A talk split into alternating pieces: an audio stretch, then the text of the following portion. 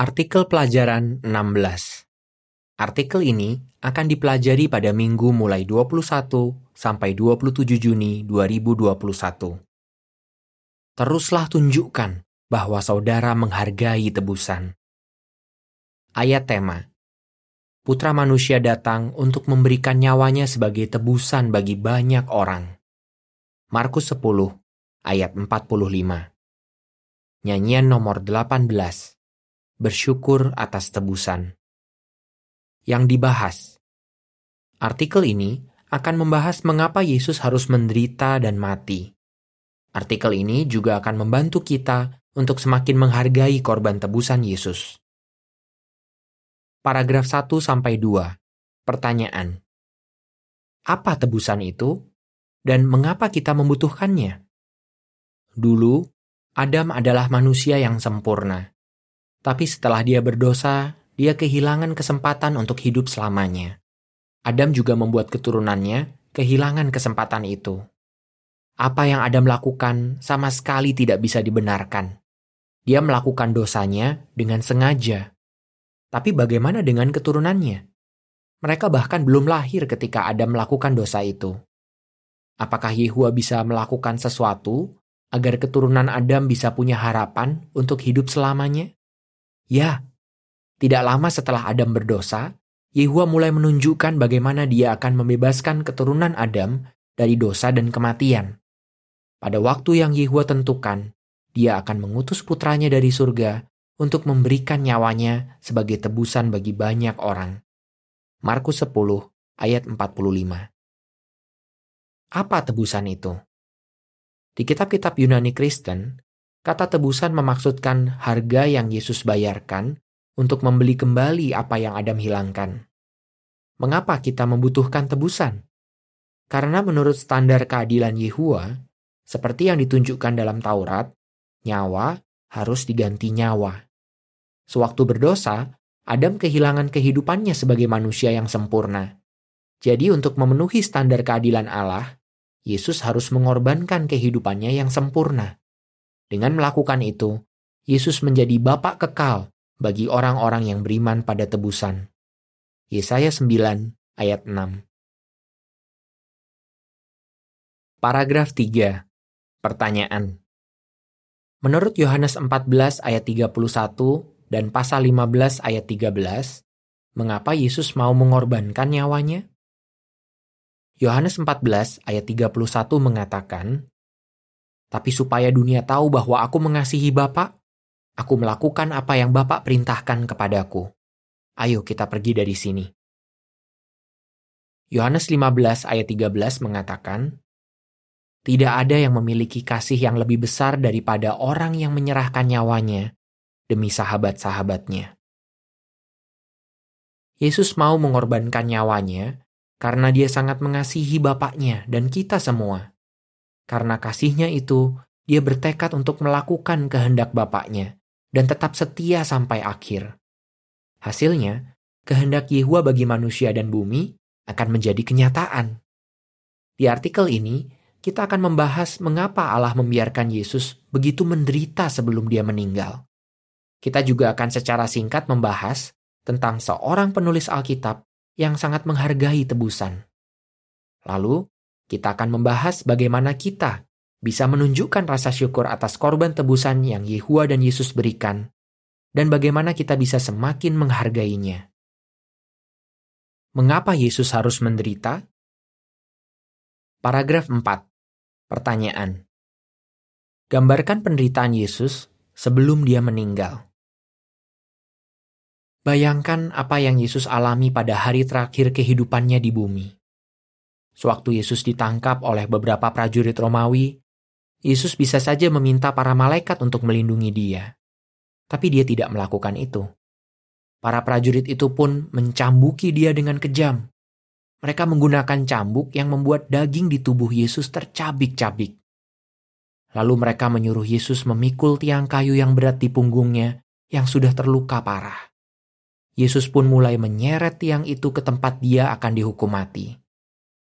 Saat Yesus sudah tidak kuat lagi, seorang pria yang ada di situ disuruh untuk membawakan tiang itu menggantikan Yesus.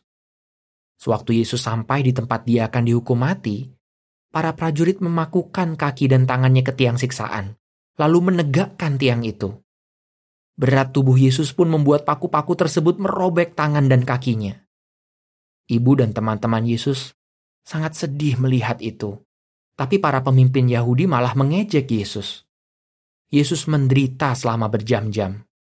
Selama Yesus berada di tiang, Jantung dan paru-parunya harus bekerja lebih keras, dan dia semakin sulit bernapas.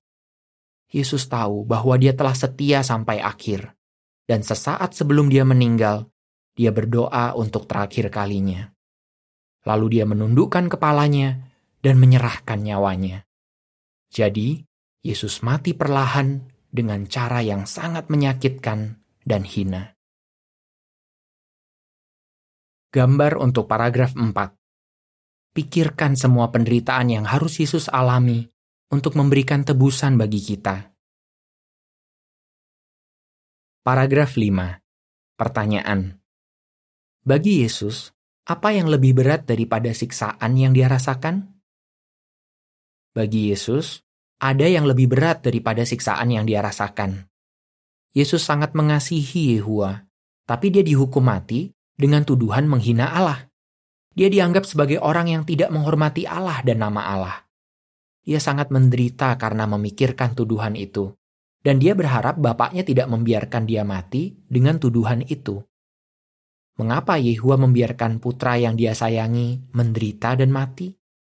Mari kita bahas tiga alasannya. Paragraf 6. Pertanyaan.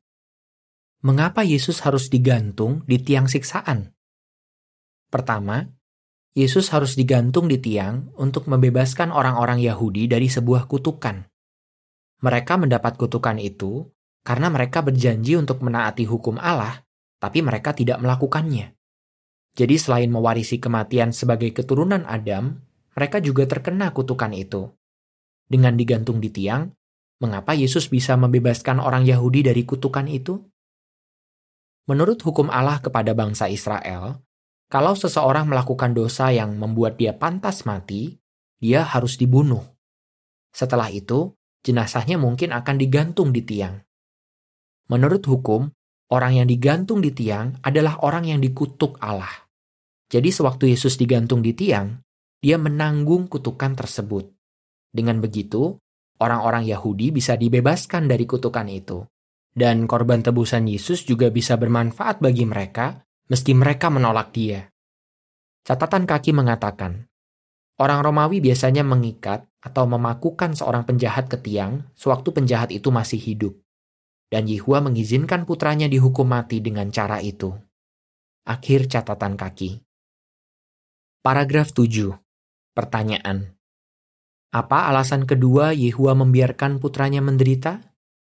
Perhatikan alasan kedua mengapa Yehua membiarkan putranya menderita. Dengan melakukan itu, Yehua mempersiapkan Yesus untuk menjalankan tugasnya sebagai imam besar kita. Yesus sudah merasakan sendiri betapa sulitnya menaati Allah saat berada di bawah tekanan yang berat. Saat dia merasa sangat tertekan, dia pernah berdoa dengan jeritan dan tangisan. Karena pernah mengalami tekanan emosi seperti itu, Yesus pasti memahami apa yang kita butuhkan dan sanggup membantu kita ketika kita sedang diuji. Kita sangat bersyukur kepada Yehua karena dia melantik imam besar yang berbelas kasihan dan bisa mengerti kelemahan kita. Ibrani 2 ayat 17 dan 18, pasal 4 ayat 14 sampai 16, dan pasal 5 ayat 7 sampai 10. Paragraf 8. Pertanyaan. Apa alasan ketiga Yehua membiarkan Yesus diuji dengan sangat berat? Ketiga, Yehua membiarkan Yesus begitu menderita agar pertanyaan penting ini bisa terjawab. Apakah ada manusia yang bisa tetap setia kepada Allah saat mendapat ujian yang sangat berat? Setan mengatakan bahwa tidak ada manusia yang bisa melakukan itu. Dia mengatakan bahwa semua manusia melayani Allah karena ingin mendapatkan sesuatu dari Allah. Dan dia percaya bahwa sama seperti Adam, mereka juga tidak mengasihi Yehua. Tapi Yehua yakin bahwa putranya akan tetap setia. Jadi dia membiarkan Yesus diuji dengan seberat-beratnya. Yesus terus setia sampai mati dan membuktikan bahwa setan adalah pembohong. Seorang penulis Alkitab yang sangat menghargai tebusan. Paragraf 9. Pertanyaan. Teladan apa yang Rasul Yohanes berikan bagi kita? Banyak orang Kristen menghadapi tentangan dan berbagai macam kesulitan. Meski begitu, mereka tetap mengabar dan bertekun sepanjang hidup mereka karena iman mereka dikuatkan oleh ajaran tentang tebusan. Perhatikan contoh Rasul Yohanes. Dia dengan setia memberitakan kebenaran tentang Kristus dan tebusan, kemungkinan selama lebih dari 60 tahun. Sewaktu dia berusia hampir 100 tahun, pemerintah Romawi mengasingkan dia ke Pulau Patmos. Mengapa? Dia dianggap sebagai ancaman bagi pemerintah karena terus berbicara tentang Allah dan bersaksi tentang Yesus. Wahyu 1 ayat 9. Dia benar-benar memberikan teladan iman dan ketekunan yang luar biasa. Paragraf 10. Pertanyaan. Apa buktinya bahwa Yohanes sangat menghargai korban tebusan? Sewaktu kita membaca buku-buku Alkitab yang ditulis oleh Yohanes, kita bisa melihat bahwa dia sangat mengasihi Yesus dan sangat menghargai korban tebusan. Dalam buku-buku itu, Yohanes menyebutkan tentang tebusan atau manfaat tebusan lebih dari seratus kali. Misalnya, Yohanes menulis, kalau ada yang berbuat dosa, kita punya penolong yang ada bersama Bapa, yaitu Yesus Kristus, yang perbuatannya benar. 1 Yohanes 2 ayat 1 dan 2. Yohanes juga menekankan bahwa kita perlu bersaksi tentang Yesus. Wahyu 19 ayat 10. Jadi jelaslah, Yohanes sangat menghargai tebusan. Bagaimana kita juga bisa menunjukkan bahwa kita menghargai tebusan? Bagaimana kita bisa menunjukkan rasa syukur atas korban tebusan? Paragraf 11. Pertanyaan. Apa saja yang perlu kita lakukan agar bisa menolak godaan? tolaklah godaan untuk berbuat dosa.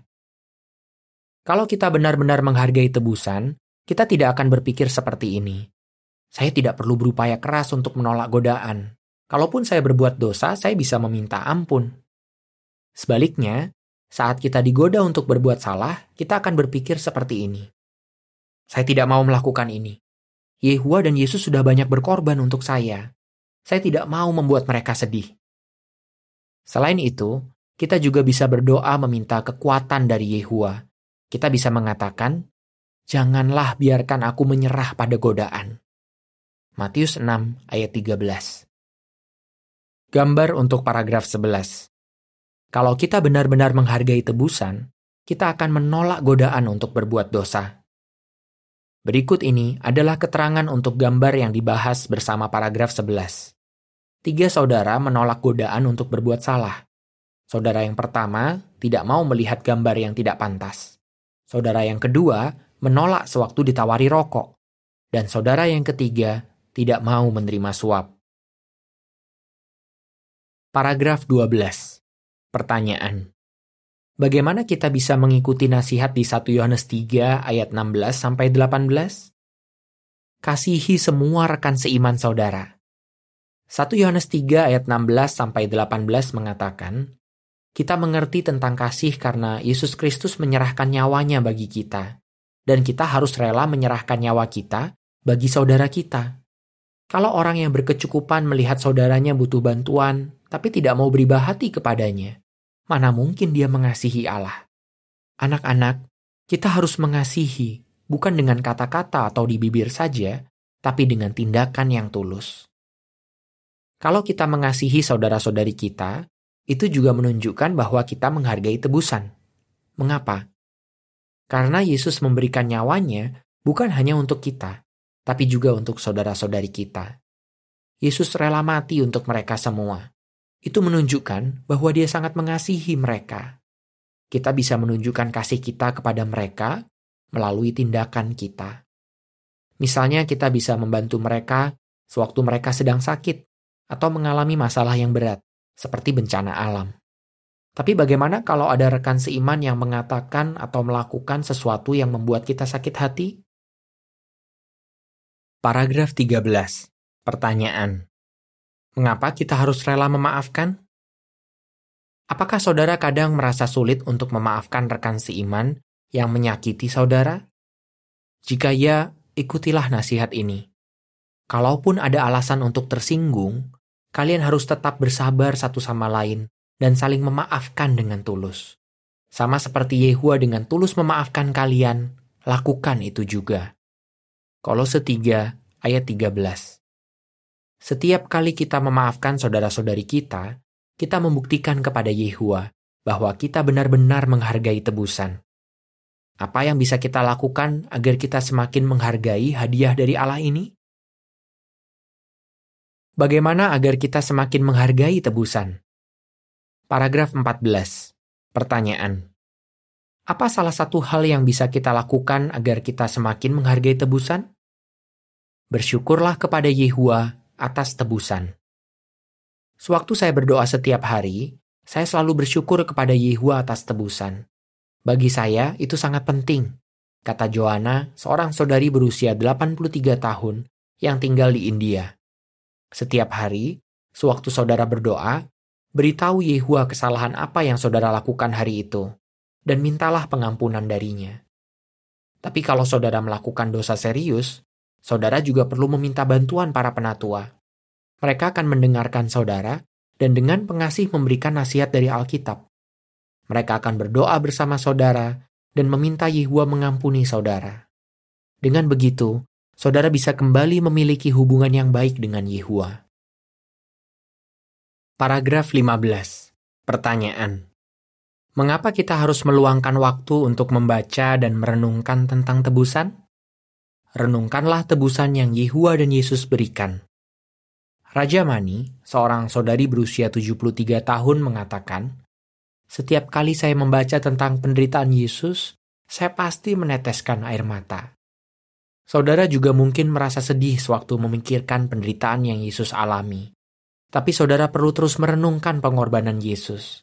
Dengan begitu, saudara akan semakin mengasihi dia dan Bapaknya. Supaya saudara bisa merenungkan tentang tebusan, cobalah jadikan ini sebagai proyek untuk pelajaran pribadi saudara. Paragraf 16. Pertanyaan. Apa manfaatnya kalau kita mengajar orang lain tentang tebusan? Ajarlah orang lain tentang tebusan. Setiap kali kita memberitahu orang lain tentang tebusan, kita akan semakin menghargai tebusan itu. Untuk membantu kita mengajar orang lain tentang mengapa Yesus harus mati bagi kita, organisasi menyediakan banyak publikasi dan video yang bagus. Misalnya kita bisa menggunakan pelajaran 4 dari brosur kabar baik dari Allah yang berjudul Siapakah Yesus Kristus? Atau kita bisa menggunakan bab 5 dari buku Apa yang bisa kita pelajari dari Alkitab yang berjudul tebusan hadiah terbaik dari Allah. Dan setiap tahun, kita semakin menghargai tebusan karena kita menghadiri peringatan kematian Yesus. Dan dengan bersemangat mengundang orang lain untuk menghadirinya juga. Ya, Yehua telah memberi kita tugas untuk mengajar orang lain tentang putranya. Ini benar-benar suatu kehormatan. Gambar untuk paragraf 16. Dengan sebuah acara sederhana, Yesus menunjukkan kepada murid-muridnya cara untuk mengenang pengorbanannya. Paragraf 17. Pertanyaan. Mengapa tebusan adalah hadiah yang paling berharga dari Allah? Karena tebusan yang Yehua dan Yesus berikan, kita bisa bersahabat dengan Yehua meskipun kita tidak sempurna. Karena tebusan itu, semua akibat perbuatan setan akan dilenyapkan. Dan karena tebusan itu, kehendak Yehua atas bumi akan menjadi kenyataan. Seluruh bumi akan menjadi Firdaus. Semua orang yang tinggal di situ akan menyayangi Yehua dan melayani dia.